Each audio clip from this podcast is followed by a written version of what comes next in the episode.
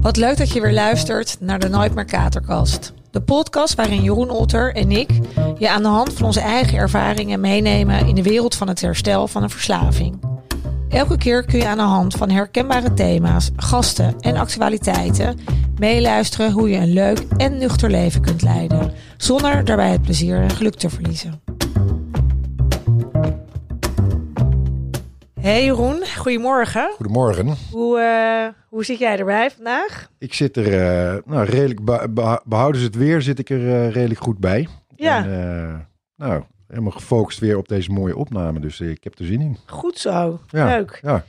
Hey, en het is alweer een tijdje geleden dat we elkaar hebben gesproken. Is er nog iets opgevallen bij jou de laatste, laatste tijd? Uh, ja, ik heb me natuurlijk wel een beetje op voorbereid. Omdat we hè, afgesproken hebben dat we elke keer weer een momentje uit, het, uh, uit de voorliggende periode zouden pakken. Ja. Nou, wat mij opvalt en waar heel veel mensen mij ook wel over uh, nou ja, bevragen, om het zo maar te zeggen, is dat je natuurlijk enorm veel reclames voor online gokken. Ja. op, de, op tv en in bladen en op de radio. Ja.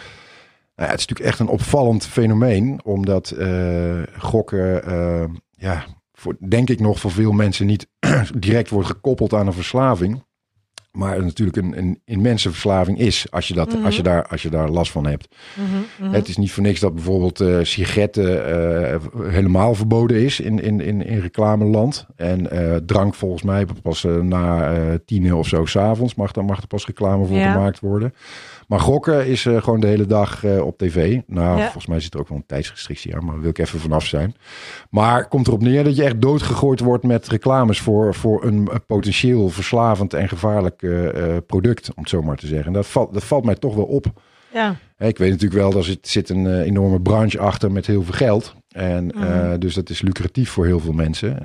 Maar het wordt dan een beetje gebracht alsof het eh, lollig is en eh, met confetti eh, kanonnen en je kan er prijzen mee winnen. En sommige, de, de, de, minst slecht om het zo maar te zeggen, die vernoemen er dan nog wel bij dat je er voorzichtig mee moet zijn. Maar ja, goed, ik weet natuurlijk, en jij ook volgens mij, uit, uit ervaring hoeveel ellende het kan veroorzaken in gezinnen. Dus dat, ja, het valt mij op dat je daar, dat je daar openlijk zoveel reclame voor beschikbaar hebt. ja, ik had daar dus met, de met een vriendin ook over, dat mij dat zo was opgevallen. En zij ja, heeft, heeft, heeft helemaal niks met verslaving en zo. Dus die, Nee, die, die zag het wel weer heel anders. En toen dacht ik, ja, weet je, ik heb daar natuurlijk veel meer, ben ik alert mee. En inderdaad, wat je ook aangeeft, de gevolgen daarvan. Ja.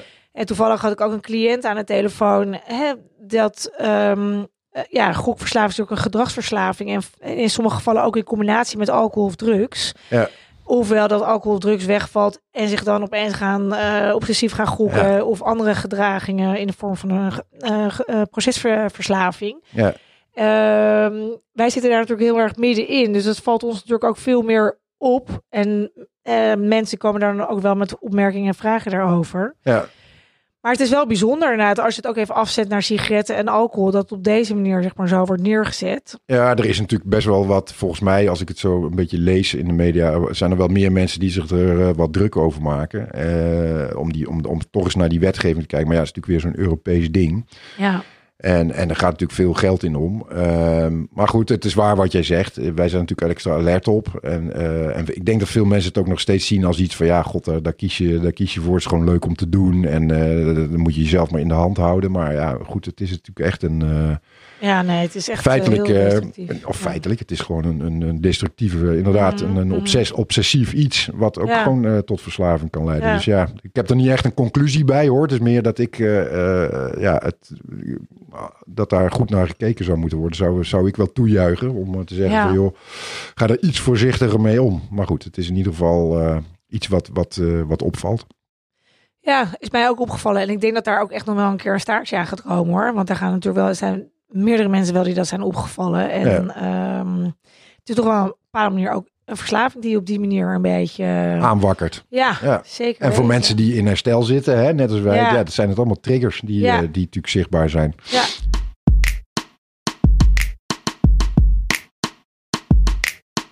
Alright. Waar, Ja, ehm, En ehm, afgelopen aflevering hebben we het gehad over het stuk van, ja, weet je, dan, dan voel en merk je ergens van, ik heb een klein probleem of het gaat helemaal niet zo lekker. En eh, nou, uiteindelijk loop je toch wel vast. Ja. En ehm, daar waren we een beetje gebleven van, oké, weet je, hoe was het voor jou, hoe was het voor mij? Ja. En vandaag gaan we eigenlijk eh, daar even een, ja, gaan we verder eh, op in. Ehm, hoe zeg maar het pad naar een eerste stap richting hulp ook eh, is geweest Ja. voor jou, voor Ja. mij. En zo direct gaan we ook even bellen met eh, iemand van buitenaf, met Elsje. Zij is eh, psycholoog. En zij werkt binnen de specialisten GGZ en ook bij een safe house, hè, waar mensen ook met verslaving in de nazorg zitten. Ja. En heeft ook eh ruimschoots ervaringen in de verslavingszorg. Dus zij kan ook wellicht ook even vanuit haar perspectief Ja. Belichten hoe zij zeg maar die stap eh, ziet eh, als het gaat over het, eh, het krijgen en het hebben van zorg. Ja, en ook waar loop je tegenaan? Wat voor soort trajecten zijn er? Inderdaad, dat is natuurlijk toch belangrijk. Dat is natuurlijk zeker bij mensen die in eerste instantie er niet mee bezig zijn. Weet ik nog uit eigen ervaring dat, het, dat, dat de weg vinden in je hulp daar op een echt een totale een wereld is waar je natuurlijk niks van af weet. Waar je natuurlijk Nee. eigenlijk overgeleverd bent aan eh googelen. Ja, En ja. dan hopen dat je het goede doet. Eh, terwijl daar natuurlijk best wel stappen in te, in te formuleren zijn van eh, wat zou je nou het beste kunnen doen. ja, absoluut. Want hoe, is dat, hoe heb jij dat zelf destijds ervaren, Sas? Hoe is dat bij jou gegaan? Nou, ook wel een beetje zoals jij dat nu zei. Van ten eerste ehm, vond ik hulp niet zo heel erg nodig. Had ik het idee dat ik het echt wel prima zelf kon. Ja. En ehm, wat ik toen ook al vertelde, weet je, ik had ook al psychologische hulp en zo gehad. En eh, nou ja, ja, dat drank was een beetje een bijkomstigheid. Dus ik was eigenlijk ook eh, nog niet heel erg intrinsiek gemotiveerd om echt eh, heel actief die hulp te, te zoeken. Ja, En eh, ja, samen met zijn vriendin was een eerste stap eigenlijk toen naar de huisarts. Ehm, Ja. ja. om daar eens eh, ja, te kijken hoe dan, eh, hoe dan verder. En die vriendin die mij had meegenomen, die had zelf ook wel wat lijntjes van mensen die ze kenden die in de verslavingszorg zaten. ja, Dus die had ook wel wat lijnen voor mij uitgezet. Eh, maar ik had echt verslaving, verslaving. Ik ben helemaal niet verslaafd. Ik wil gewoon, eh, ik wil gewoon Ja. na drie wijn stoppen. En ik wil gewoon door met mijn leven. Ja. Dus ik denk wat dat aan gaat, is mijn hulpvraag, zeg maar, gedurende alle stappen die ik toen heb genomen, is die uiteindelijk geformuleerd. En is wat meer extern, zeg maar, ehm, eh, gemotiveerd dan dat het echt vanuit mezelf kwam om de hulpvraag te stellen, ja. denk ik. Want je bent toen, maar je bent er uiteindelijk wel op ingegaan, hè, op die adviezen en, en die hulp. Ja, dat klopt. En wat, wat is dan, denk je, als je achteraf erop terugkijkt, wat, wat is dan jouw motivatie daarin geweest om dat, om dat toch die weg in te slaan?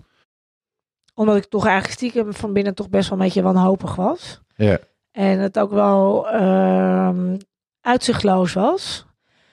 Eh, omdat ik gewoon heel ongelukkig was. En ik eigenlijk, ja, weet je, dacht van ja, mijn werk liep niet meer lekker. Mijn huwelijk eh, ging niet meer goed. Ehm, dus ik had ook, ehm, hoe zeg je dat? Ik had ook, eh, eh, ik, ik had ook weinig keus of zo meer, denk ik. ik Ja. had, het, het- alles was wel een beetje klaar en over en uit.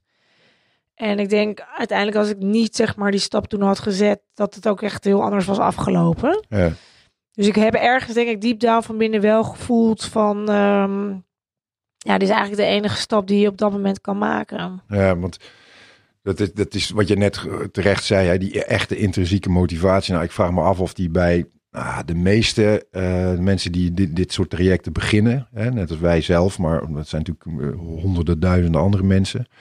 Zeg maar die intrinsieke motivatie aan het begin om te denken dat hij bij iemand echt helemaal overtuigd is. Dat hij zegt van nou, ik ga nu dat traject in, want ik weet zeker. En dat, ik geloof dat ook niet. Als je, als je in zo'n positie zit, dan eh, is er toch al, zeker in dat stadium altijd nog een deel wat zegt van nou, nou, nou ik, ik ga het maar doen. Maar deels voor de buitenwacht en deels voor, voor eh, misschien om een beetje een, eh, een soort van onderzoekend iets erin te hebben.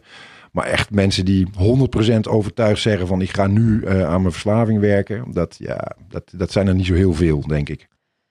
Nee, dat denk ik, dat denk ik ook niet. Hoewel ik ook wel weer mensen binnen mijn eigen praktijk wel voorbij zie komen die echt wel er helemaal klaar mee zijn en die echt Ja. wel die stap zeg maar willen Zeker. Eh, en echt wel overtuigd zijn erin. Eh, die overtuiging had ik zelf zeg maar niet toen, Nee. ik, eh, toen ik die stap zette. Nee, ik denk wel Nee. dat mensen, ik denk dat mensen wel overtuigd zijn dat er iets moet gebeuren. Maar als je dan, hè, als je achteraf terugkijkt van nou, wat voor traject heb je dan bewandeld? Jij en ik hebben ongeveer hetzelfde traject bewandeld. Nou, dat is een intensief iets. En mensen die, die, die het, eh, hè, het beste waar ze toe komen is van ja, er moet inderdaad iets gebeuren. Ik realiseer me dat dit zo lang niet langer kan. Maar wat dat dan precies inhoudt en, en of je daar nou eh 100% volledig eh, achter staat en bewust van bent. Nou, dat, dat, dat zijn natuurlijk niet zo heel veel. Hè? Dus mensen gaat, het is ook vaak, dat- ik bedoel er meer mee te zeggen. Het is ook vaak een soort onderzoekende vraag met een vaak ook nog een stuk onderliggende hoop van misschien valt het wel mee. Weet je wel? Terwijl, Mhm, ja, mhm. als je dit zo in dit soort vraagstellingen terechtkomt, dan kun je eigenlijk al concluderen dat, natuurlijk, voor- dat er natuurlijk echt wel iets aan de hand is. En dan Ja. is het aan degene die hè, die, die, die hulpvraag eh, gaat beantwoorden. Of, of, of daar een, een gids in is. eh, om mensen ja, bewust te krijgen van het feit dat het echt wel een, een, een weg is om te gaan. Ja, ja. En ehm, ehm, ik weet wel dat ik toen na de huisarts... Ik ben toen naar, naar- dus met die vriendin naar de huisarts gegaan. Ik zat volgens mij twee dagen later al eh, voor een intakegesprek. Ja, Bij, eh, eh, bij een mogelijke kliniek. ja. Hoe was dat voor jou toen? Nou, ik ook wel vrij rap. Ik ben ook, ook, ook eerst naar de huisarts gaan. Ik heb wel wat kleinere ambulante trajectjes. Daar komen we denk ik st- straks met, met, met Elsje wel op wat dat inhoudt, hè, ambulant. Maar dat heb ik wel geprobeerd nog. Maar ja, zeg maar met 50% motivatie of zo. En uiteindelijk kwam ik ook tot de conclusie van ja, maar er, er moet iets gebeuren. En ik ben toen ook naar de, naar, naar de huisarts gegaan. En ehm, ja, toen eh, kwamen wij vrij snel al tot de conclusie. Wat zij goed deed, is mij zelf laten nadenken en zeggen van joh, ik denk dat ik wel eh, opgenomen moet worden. En toen ben ik eh, gaan googlen en toen heb ik eigenlijk een van de eerste klinieken die ik er wel, eh, want ik, was natuurlijk ook nog een prinsje die wel comfortabel wilde, Ja, wilde precies. afkicken. Ja. niet in een of andere ziekenhuis of zo. Dus eh, toen kwam ik de eerste best een beetje luxe ogende kliniek tegen. Oh ja. En toen heb ik gebeld. Dus was ik inderdaad ook wel drie of vier dagen later kon ik op intake komen. En toen denk ik daarna, veertien dagen later, ben ik denk ik opgenomen. Maar dat is, eh, dat, hè, dan hebben we het over vijf en een half jaar geleden. Dat is, die situatie is echt wel veranderd. Ja, tegenwoordig is dat echt niet meer Ja, zo. Nee, ja, klopt. klopt. Ja, oké. Ehm, nou, wat mij betreft eh, gaan we eens even kijken of we met Elsje kunnen gaan bellen. Ja. Om eens even vanuit haar eh, wat dingen te bevragen en te horen. Hoe, eh, wat voor tips zij eh, voor onze luisteraars Ja, ik heeft. ben heel benieuwd. Ja, ik ook.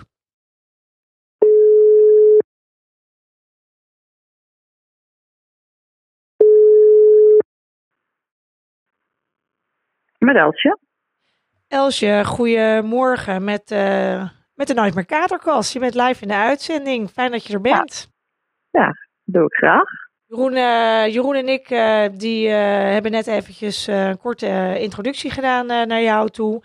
En we hebben het even gehad over van, goh, weet je, wat zijn nou inderdaad hè, het pad om te bewandelen naar, naar hulp. En ehm wij kwamen eigenlijk allebei uit met onze eigen ervaring dat de eerste stap richting de huisarts is. Is dat, is dat ook een beetje de meest gangbare weg?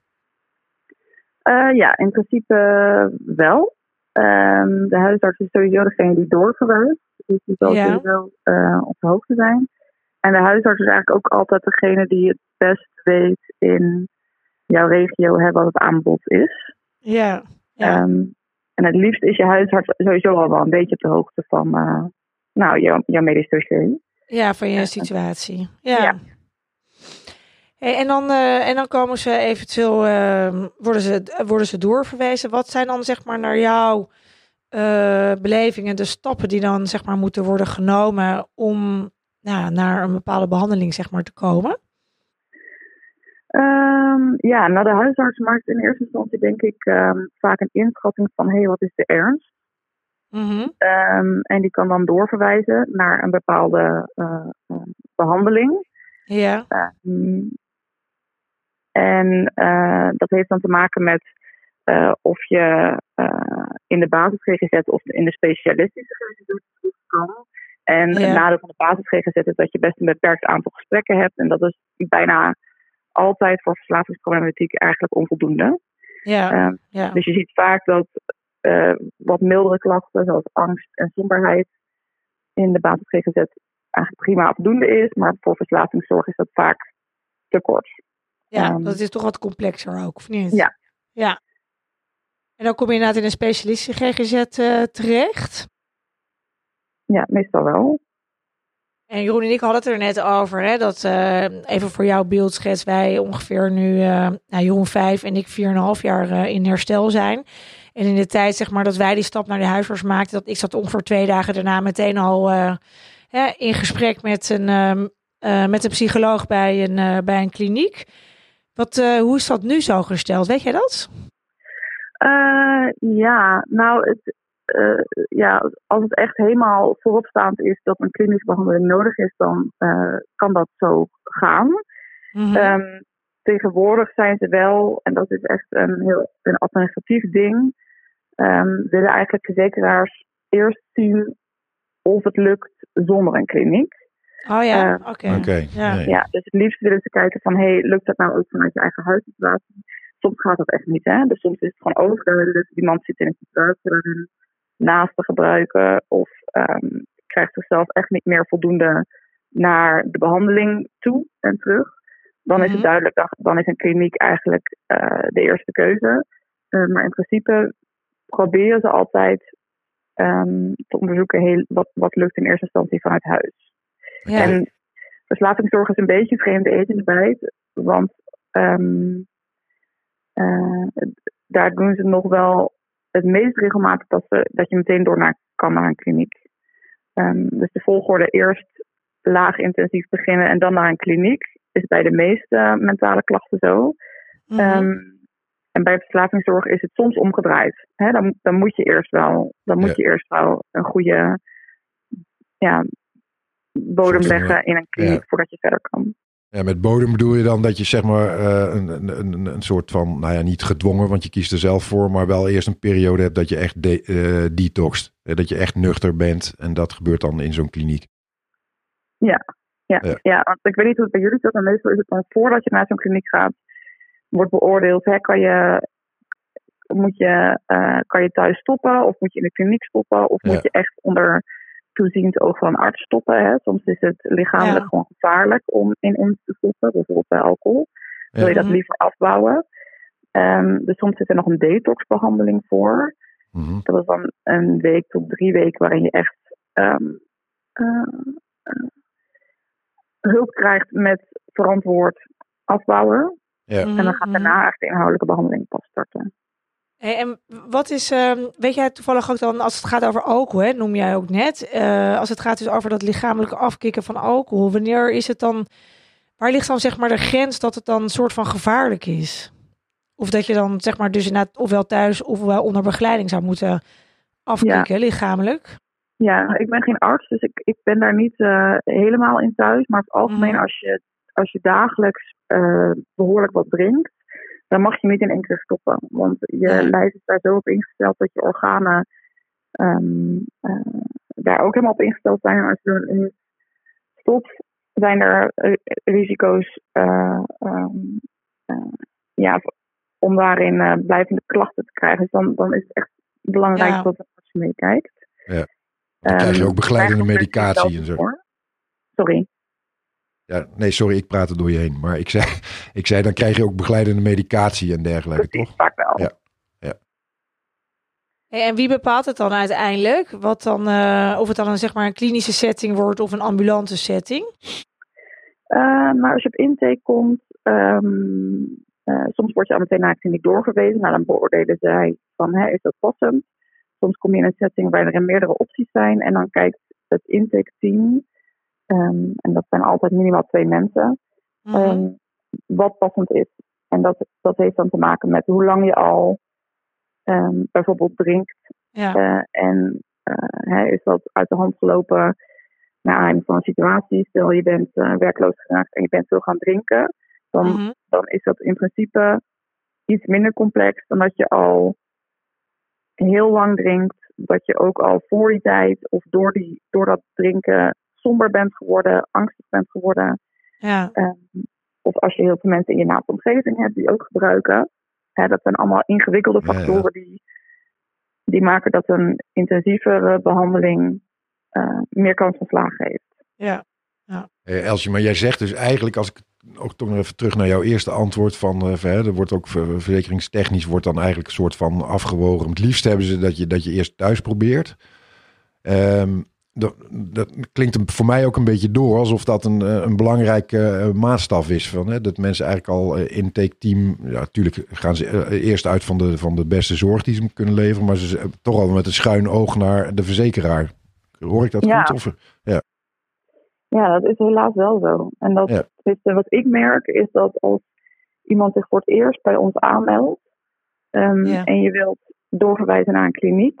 Uh, uh, want wij, in de zitting waar ik werk uh, is niet klinisch, maar is ambulant. Mm -hmm. Dan vraagt de kliniek eigenlijk altijd, is er al eerder behandeling gehad? Mm -hmm. um, anders wordt het wel ingewikkeld. Ja. Hè? En dat is, dat is niet hoe je het wil hebben als, als behandelaar. Want je vraagt niet voor niks een kliniek om hulp. Juist, ja. um, en vaak is het gewoon echt heel ingewikkeld. En, en als iemand dan eindelijk de moed heeft om hulp te vragen, wil je gewoon kunnen doorpakken. Ja, ja. Maar dat, ja, daar zit wel een ja, daar zit wel helaas een soort verzekeringsstukje bij.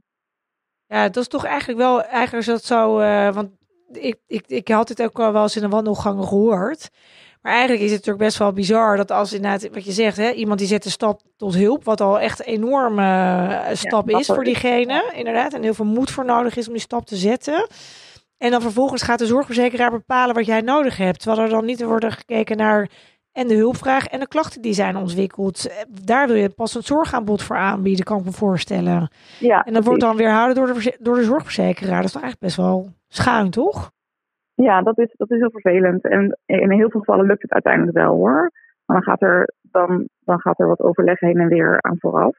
Ja. Um, of dan, uh, ja, dan wil zo'n verzekeraar ook zelf beoordelen of dat inderdaad nodig is. Dus dat, dat is wel frustrerend. Maar um, meestal uh, kom je wel samen op een soort route uit. Ja. Gelukkig, ja. Eh, en um, nog even een vraag, want dat is voor mij dan niet helemaal duidelijk. Is het dan hè, dat ambulant, als we grofweg kunnen zeggen, je hebt een ambulant traject en een klinisch traject. Um, kan dat op zich voor de ene persoon is ambulant goed en voor de andere persoon klinisch? Of is het zo dat je idealiter eerst al iets van ambulant achter de rug hebt voordat je überhaupt klinisch gaat? Hoe, hoe, hoe moet ik dat zien? Nee, ja, inhoudelijk is het soms nodig dat je gewoon meteen naar de kliniek gaat. Ja, precies. Uh, maar okay. dat is niet voor iedereen. Dus er zijn nee. mensen die, die prima met een dagbehandeling vanuit de thuissituatie of een ambulante behandeling uiteindelijk daar komen waar ze willen. Mhm. Mm -hmm. En voor sommige mensen lukt dat gewoon niet, hè? Is dat Nee. gewoon niet haalbaar? Nee. En dan is een kliniek uh, de, ja, de beste optie. Anders Ja. dan blijf je eigenlijk te lang um, uh, aan het aanmodderen. Eigenlijk, Ja. hè? Ja. En kun je dan Ja. zeggen, Elsje, van eh, de, de, de behandeling die je krijgt is in principe op, in hoofdlijnen qua soort therapie en soorten gesprekken die je hebt, ambulant en klinisch hetzelfde, alleen de setting verschilt. Mag ik dat zo zeggen? Of is dat ook, ook niet waar? Um, nou ja en nee, denk ik. Dus in een kliniek is over het algemeen uh, de meerwaarde dat je niet weg kan. Je kan, Mhm. je kan niet drinken. Hè, Je moet allemaal een volksgoed gaan uithalen. Maar in principe kan je niet weg. Um, heb je 24 uur per dag zorg. Dus kan je meteen doorpakken. Heb je niet de kans om um, hè, dat de motivatie weer zakt. Omdat je dan toevallig weer andere mensen spreekt, et cetera. Mhm. Dus in principe is een kliniek daar een hele grote meerwaarde uh, bij en voor, heel, Ja. ja. voor sommige mensen nodig.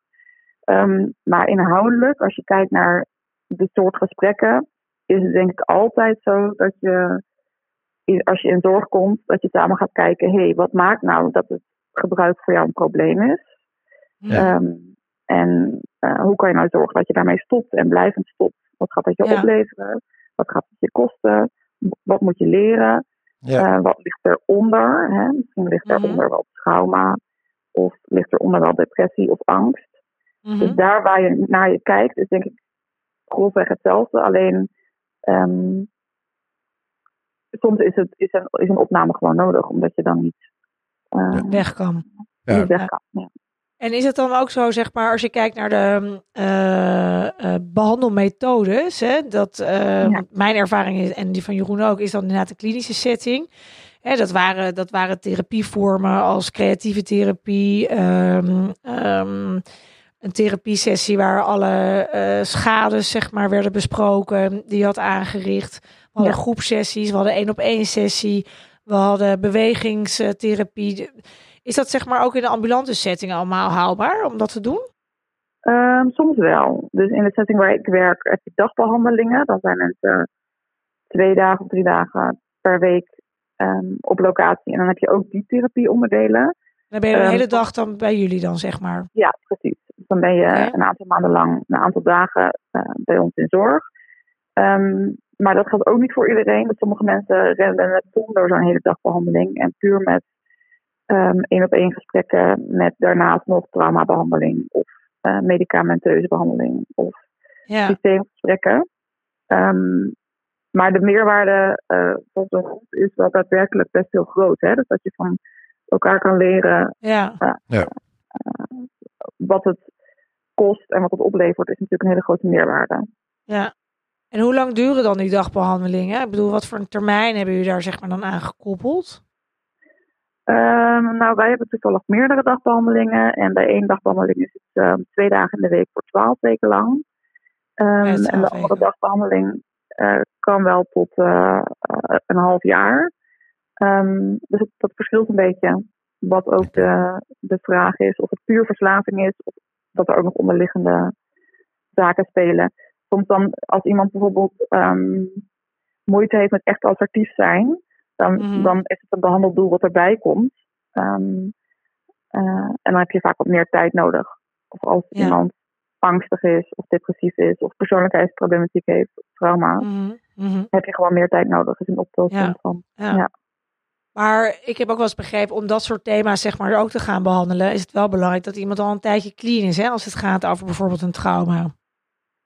Ja, ja. Nou, dus traumabehandeling, uh, als het even kan, um, gebeurt dat vrij snel, omdat dat vaak een soort vervolgbehandeling een beetje in de Ja. weg staat. Hè? Dus als je traumabehandeling, als je Mhm. trauma's hebt en je durft daardoor een aantal dingen niet, ga je dat meestal tegelijkertijd met het middel meteen uh, uh, behandelen. Um, Mhm. Maar bijvoorbeeld als je angst en depressie hebt, dan moet je echt wel een tijd nuchter zijn.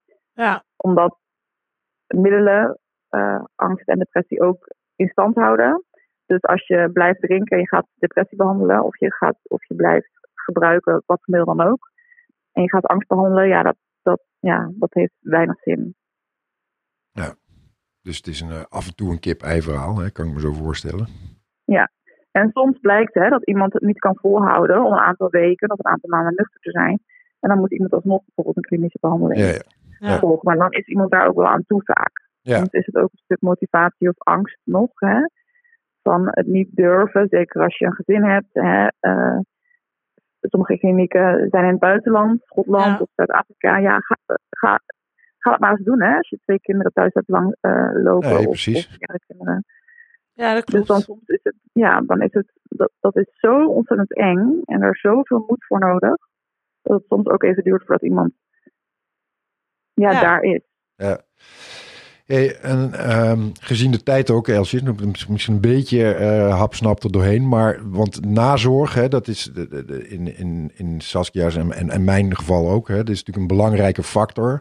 En met name Ja. daar heb ik eh, best wel wat, wat, wat hi- hiaten ervaren. Hè. Die nazorg, wat ik klinisch Ja. kreeg, was ja, één keer in de week een één op één gesprek en dan nog even in een groep zitten. Maar that's it, weet je wel. Terwijl wij uit ervaring weten, sterker nog, dat is voor mij een motivatie geweest om, het, om hetgeen te gaan doen wat ik nu doe. Ehm, ehm, is dat daar, ja, daar, is, daar komt veel meer bij kijken, nazorg, dan alleen maar een gesprekje wekelijks. En eh, kun, je, kun je daar iets over zeggen, het belang van die nazorg en hoe je dat in zou kunnen vullen?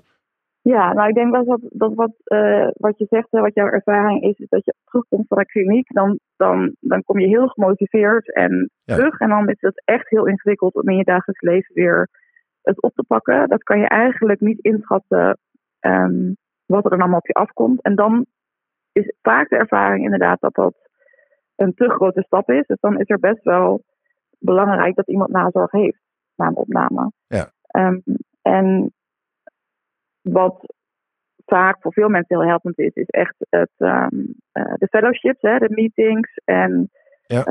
het stappenprogramma.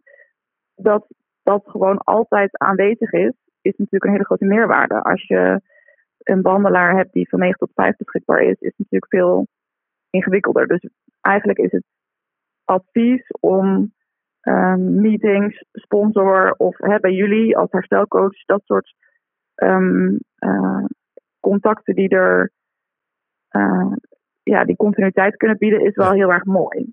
En wat, wat bij ons, de behandelsetting waarin ik, waarin ik werk, zijn ook veel mensen die uit de kliniek komen en bij ons nog een dagbehandeling doen. Ja, ja dat is dan best ja. intensief, maar dan, dan, dan bouw je het eigenlijk langzaam weer af. Ja. Ja, in feite begint dan eigenlijk het echte leven. Hè? Als je juist uit die behandeling komt. Ja. Om datgene wat je hebt geleerd wat toe te gaan passen ook in het dagelijkse Ja. leven. Alleen dat is ook, ook heel groot, tegelijkertijd ook echt wel de grote valkuil. Hey, en als Ja, je kijkt, hè? Ja, sorry. Ja, dat is minstens even moeilijk. Kijk, zo'n zo'n zo'n opname is.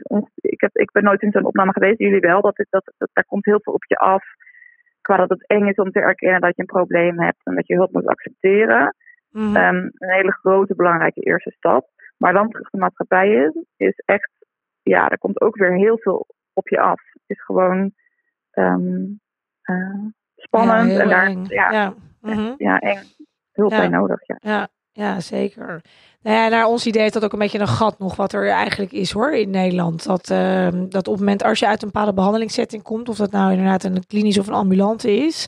Maar op het moment als je wat, hè, als je net dat herstel hebt aangetikt en je wil dan eigenlijk gewoon weer eh, werk, eh, je gezinsleven en al dat soort zaken op gaan pakken, daar ligt en dan nuchter en wel en niet gaan vluchten en duiken in alcohol of andere middelen. Daar ligt natuurlijk wel echt de uitdaging. En dat is denk ik ook wel een beetje de reden Ja. waarom wij ook dit werk zijn gaan doen. Om mensen daarin ook te helpen. En Ja. zich ook steviger ook- te voelen. Ja? Je hebt ook eh, zogenoemde safe houses. Ja. Ehm, Ja. ehm, daar werk ik ook eh, toevallig eh, dit jaar een paar uur in de week. En daarin zijn mensen die, de beschermd woninginstellingen, hè, van mensen die uit de Ja. komen. Ja. Vaak jongere mensen die in hun ontwikkeling door het gebruik echt heel veel zijn misgelopen. Mhm. Waarbij je echt een stuk maatschappelijk herstel ook meepakt. En dan ja. heb je en de Ja. fellowship, ehm, samen naar meetings ehm, en delen. Maar ook kijken naar, hé, waar wil ik wonen? Welke vrienden zijn blijvende vrienden? Welke zijn, ja, moet ik afscheid van nemen? Um, met- leven. Ja. Zijn dat met name ook echt jongeren? Want tegen mij was toen de tijd ook wel geadviseerd om naar een safe house te gaan. Toen ik terugkwam. Ja, dat, ja die, die zijn er ook. Hè. Dus je, eigenlijk is het voor alle leeftijden hoor. Maar wat je vaak bij jongeren ziet, ehm tenminste het safe house waar ik eh, werk is een mannen safe house. En dat zijn vaak wel jongere eh, mannen die echt al vanaf begin tienertijd in gebruik zitten en eigenlijk een heel stuk zelfstandig worden hebben overgeslagen. Dus Ja, dan precies. Dat, Ja. Ja. heb je dat soort thema's nog Mhm. ehm, die meespelen. En als je ehm, pas later in je leven verslaafd bent geraakt, ehm, heb je daar al wel misschien meer een basis in. Je daar Mhm. Mhm. eh, misschien wat minder in te leren. Maar inderdaad, er zijn ook vrouwen safehouses of safehouses die gewoon gemixt zijn, waar ehm, ook ja, alle leeftijden zitten. Ja. Hey, Eh, En Elsje, ik heb nog, ik heb nog een vraag, hè? want daar gaan ook allerlei verhalen, ook eh, verschillende verhalen gaan daar de ronde over. Als je kijkt naar zeg maar, het herstel daarna, hè, hoeveel procent zeg maar, van de cliënten die bij jullie binnenkomen, zowel ambulant of nou ja, klinische setting zit je dan niet, maar in de ambulante setting dan, hoeveel blijven dan daar zeg maar, ook structureel clean en nuchter van? Heb je daar, hebben, hebben, hebben jullie daar iets van cijfers van? Van onze setting ehm, weet ik dat eerlijk gezegd niet. Ehm, we hebben ook verschillende locaties, dat, dat weet ik eigenlijk niet. Volgens mij is het landelijk eh, zo dat best een groot deel, volgens mij wel 50 tot 80 procent van de mensen, meerdere rondes, om het zo maar zeggen, nodig heeft. Dus in behandeling gaat, een tijdje nuchter blijft, ehm, toch weer terugvalt. Mhm. En dan toch weer een ander stukje in behandeling moet oppakken. Dus volgens mij is dat. En dat is niet alleen voor verslaving zo. Hè? Als je angstig bent of depressief bent, ben je soms ook jaren eh, klachtenvrij en val je toch weer terug. En dat is met verslaving ook. Alleen is verslaving zo ontwrichtend. En eh, ja, ligt er een taboe op dat dat, dat dat dan vaak onopgemerkt in eerste instantie uit de hand loopt. ja, Ehm, en er toch weer behandeling volgt. ja, Dus dat is denk ik voor meerdere mentale klachten wel zo. Maar bij verslaving is dat terugvalpercentage wel hoger. Ja, ja. En hoeveel rondes hebben ze, zoals jij dat noemt, rondes dan? Ik neem aan dat je dus dan van de ene behandelsetting naar de volgende behandelsetting moet doen. Maar hoeveel, hoeveel hebben zij dan ongeveer nodig, denk je dan, om, om, wat, om stevig in dat herstel te zitten en dan niet meer terugvalt? Ja, dat, dat weet ik eerlijk gezegd niet. Dus sommige Nee. zijn er, als er 50 tot 80 procent, eh, eh, dus dat is al een heel breed percentage, hè? als die eh, terugvalt en nog behandeling nodig heeft, ja, dan zullen daar weer een aantal mensen van daarna het wel redden. En sommige mensen hebben al drie, vier, vijf behandelingen nodig. Ja, Ehm, Ja, dat is, dat is natuurlijk toch flink inderdaad. 80. Ik heb ook nog wel eh, dramatischere cijfers gehoord. Bij mij in de kliniek zei ze altijd van eh 5% houdt het een jaar nuchter vol. En dan de rest om je heen. eh, maar goed, dat zijn natuurlijk ook altijd van die een beetje van die eh cowboy verhalen die erover de ronde doen. Maar die 80% dat... dat, dat vind ik, denk ik dat dat wel een, een, eh, acceptabel cijfer is. Ja. Hey Elsje, volgens mij hebben wij eh, ook gezien de tijd. Hè, van de, de luisteraar vindt het interessant, maar ik weet niet hoe lang, hoe lang die eh, volhoudt. En ik zou nog uren met je door kunnen praten. Maar ik, Ja, ik. denk dat we, het, dat we op zich nu best wel een, een beeld hebben van, van oké, ik heb een probleem. Ik ga het in werking zetten. Waar, waar, kan ik naartoe en waar loop ik tegenaan? En wat gebeurt er daarna? Ik wil je on- ontzettend bedanken voor, jou, eh, voor jouw info en eh, je, je tijd om, eh, om ons te woord te staan. En eh, nou, ik wens je heel veel succes in jouw eh, mooie werk wat je doet. ja ontzettend dankjewel Elsje. En eh, eh, bedankt voor al je informatie en eh, succes inderdaad eh, met alles wat je ook doet rondom, eh, rondom de verslavingsproblematiek. Nou, heel graag gedaan. Ik vond het fijn dat ik uitgenodigd ben door jullie. En ehm, eh, mochten er nog andere vragen zijn, dan hoor ik het wel. Super fijn, Goed zo. dankjewel. Dankjewel. Dag. Alright, fijne dag. Doei. Bye bye.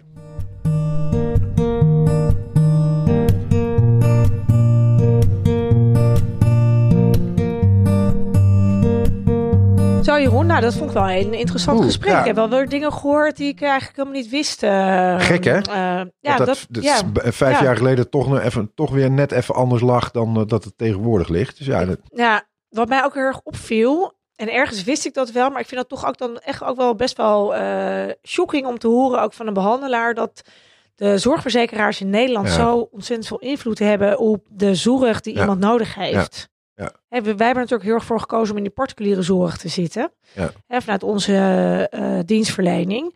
En, ehm, maar goed, dat is niet voor iedereen weggelegd. Nee. Dus eh, de mensen die dus een, inderdaad in de reguliere GGZ dan hulp gaan zoeken, dat dat toch ook wel de hulpvragen een beetje wordt gevormd door eh, datgene wat de zorgverzekeraars kunnen bieden. Dat vind ik toch eigenlijk best wel. ja, dat, dat- pittig. ja ik, ik wist het wel een beetje, maar dit is, zij, zij bevestigen dat natuurlijk nog, eh, nog een keer eh, echt.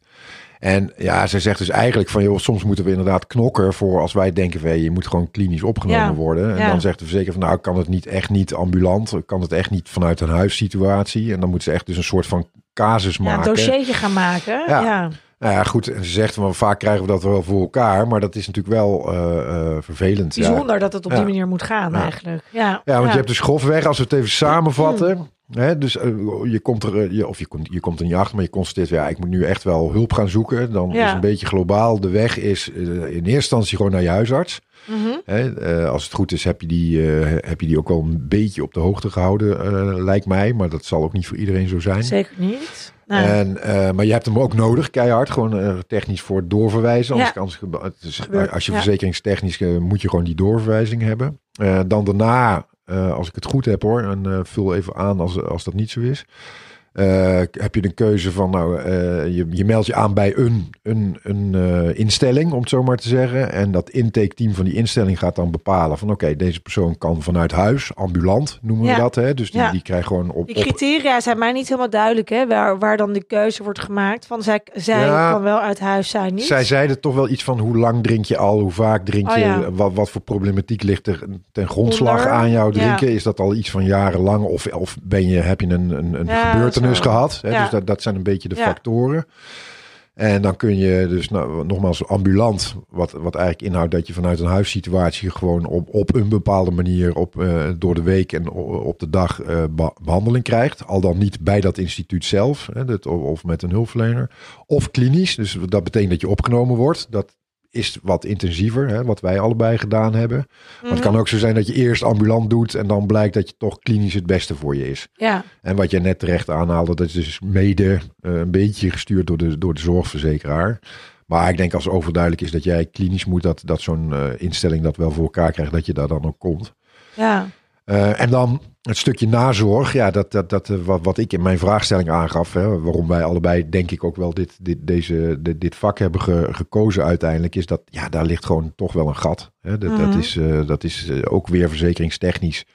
Is dat heel minimaal ingevuld bij de meeste instellingen? Het is gewoon een, op basis van terugkomen een gesprek of, of nog een keer in een groep een gesprek.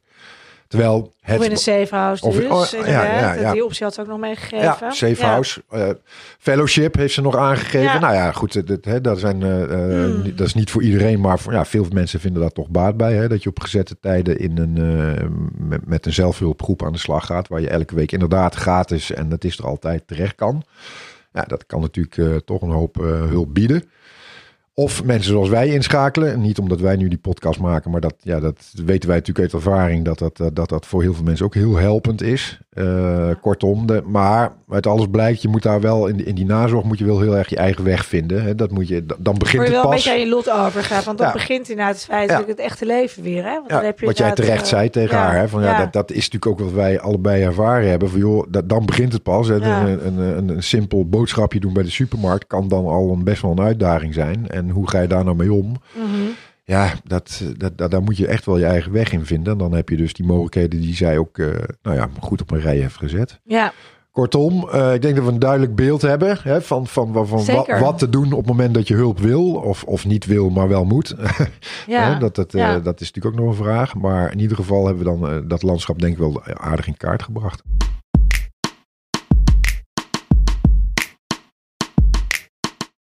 Eigenlijk een beetje naar de afronding toe. Hè. Hebben we natuurlijk, eh vind het altijd mooi om even stil te staan wat er verder om ons heen gebeurt. Als Ja. het gaat over eh, ehm, boeken, ehm, andere gadgets Ja. of eh, voorstellingen zijn die hè, in dit voor ons. Voor onze doelgroep relevant kunnen zijn. Ja. En ja, het is half december, dus de feestdagen die staan ook weer voor de, voor de boeg. En Ja. dan krijgen we natuurlijk weer van, goh, wat gaan we drinken? Ja, inderdaad. Althans, eh, we gaan natuurlijk geen alcohol drinken. Althans, ik, ik ben het niet van plan. ik ook niet. Nee, dat dacht ik al. En ehm, nou ja, dus we, we zijn op zoek natuurlijk naar leuke alternatieve drankjes. Ja. En ehm, volgens mij had jij een leuke suggestie, toch? Ja, ik ben, eh, eh, ik heb onlangs ben ik in, contact gekomen met een, een, nou ja, een kleine producent van een, van een gemberdrankje. Polish Ginger heet dat. Ja. En, nou ja, dat, is een, een, een drink met een bite, noem ik het maar even. Want Ja. dat is natuurlijk toch altijd een beetje het gedoe als je niet meer drinkt. eh, van ja, dan ga je water of frisdrank. En dat is vaak, ja, op een gegeven moment ben je er wel een keer klaar mee. Dit is wel, dat gember is natuurlijk best wel een pittig, pittig, eh, pittig eh, middel, zeg maar. Dus het is een drankje wat, wat, ja, wat toch een, een, iets, eh, iets extra's geeft eh, bu- buiten de normale frisdranken. En gember is gewoon heel gezond. Ja, En je kan daar ook gewoon, ja, je kan het ook een beetje leuk, leuk eh, aankleden, om het zo maar te zeggen. Hè? Dus ja je doet een ijsblokje een glas leuk en glas. een leuk blaadje en, ja. erin en zo. En, ja. dat, en het heeft, wat, wat een groot voordeel voor mij is, is dat, dat het, eh, nou, je hebt natuurlijk allerlei alcoholvervangers tegenwoordig van 0,0%. Mhm.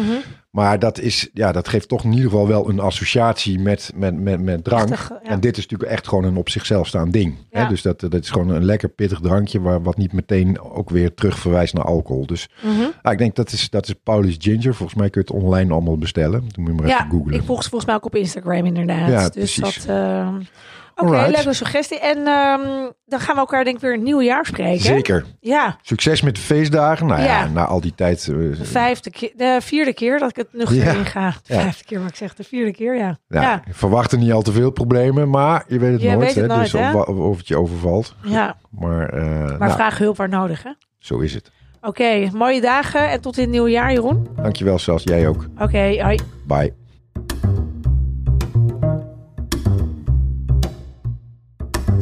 Dankjewel voor het luisteren. Saskia, jij ook bedankt voor je mooie inzichten. Deze podcast is geproduceerd door Pleunie van den Udenhout in de Zoggenstudio te Haarlem. Meer afleveringen van de Nooit meer Katerkast kun je luisteren via je favoriete podcast app of op recoverycaddy.nl en happysober.nl.